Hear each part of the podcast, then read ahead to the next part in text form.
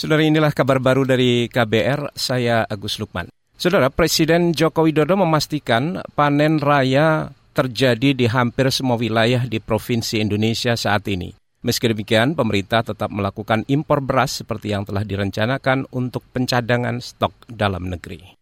Ini nanti akan kita segera salurkan ke kabupaten kota di Solo Raya dan secara nasional semuanya yang diberi bantuan pangan sebanyak 21,3 juta keluarga.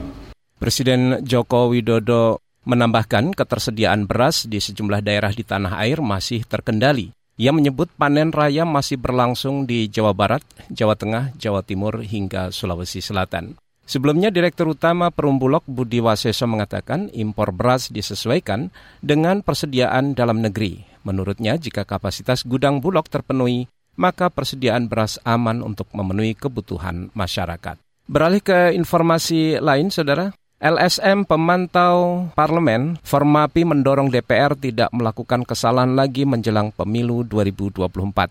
Peneliti Formapi, Lucius Karus mengatakan, kasus korupsi yang melibatkan anggota dewan dan kinerja DPR yang buruk menjadi salah satu faktor terkuat yang membuat tingkat kepercayaan masyarakat terhadap DPR rendah.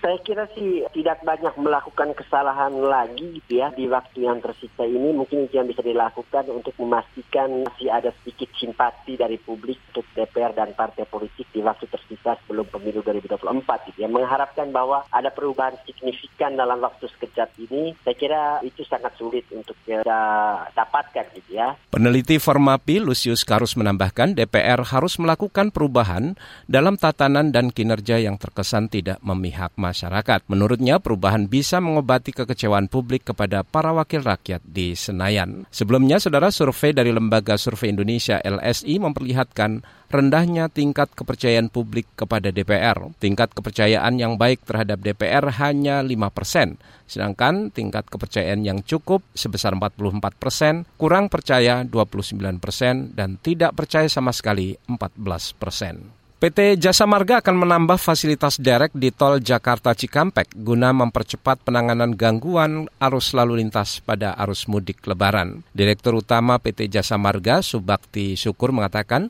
penambahan derek diharapkan mempermudah pemindahan kendaraan yang bermasalah di jalur mudik. Kami tambah 20 derek khusus di Capek.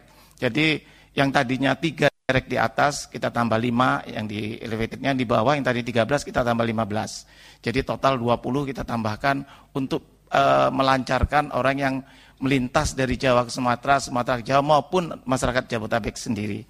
Direktur Utama PT Jasa Marga Subakti Syukur menambahkan, selain fasilitas derek khusus di tol Jakarta Cikampek, Jasa Marga juga menyiapkan pelayanan lain di sepanjang titik padat maupun gerbang tol, misalnya sepeda motor khusus untuk distribusi BBM darat. PT Jasa Marga memprediksi puncak arus mudik tahun ini akan terjadi pada 19 April 2023 atau H-3 Lebaran. Diperkirakan ada 138 ribu kendaraan akan keluar dari Jabodetabek pada hari itu. Demikian saudara kabar baru dari KBR, saya Agus Lukman.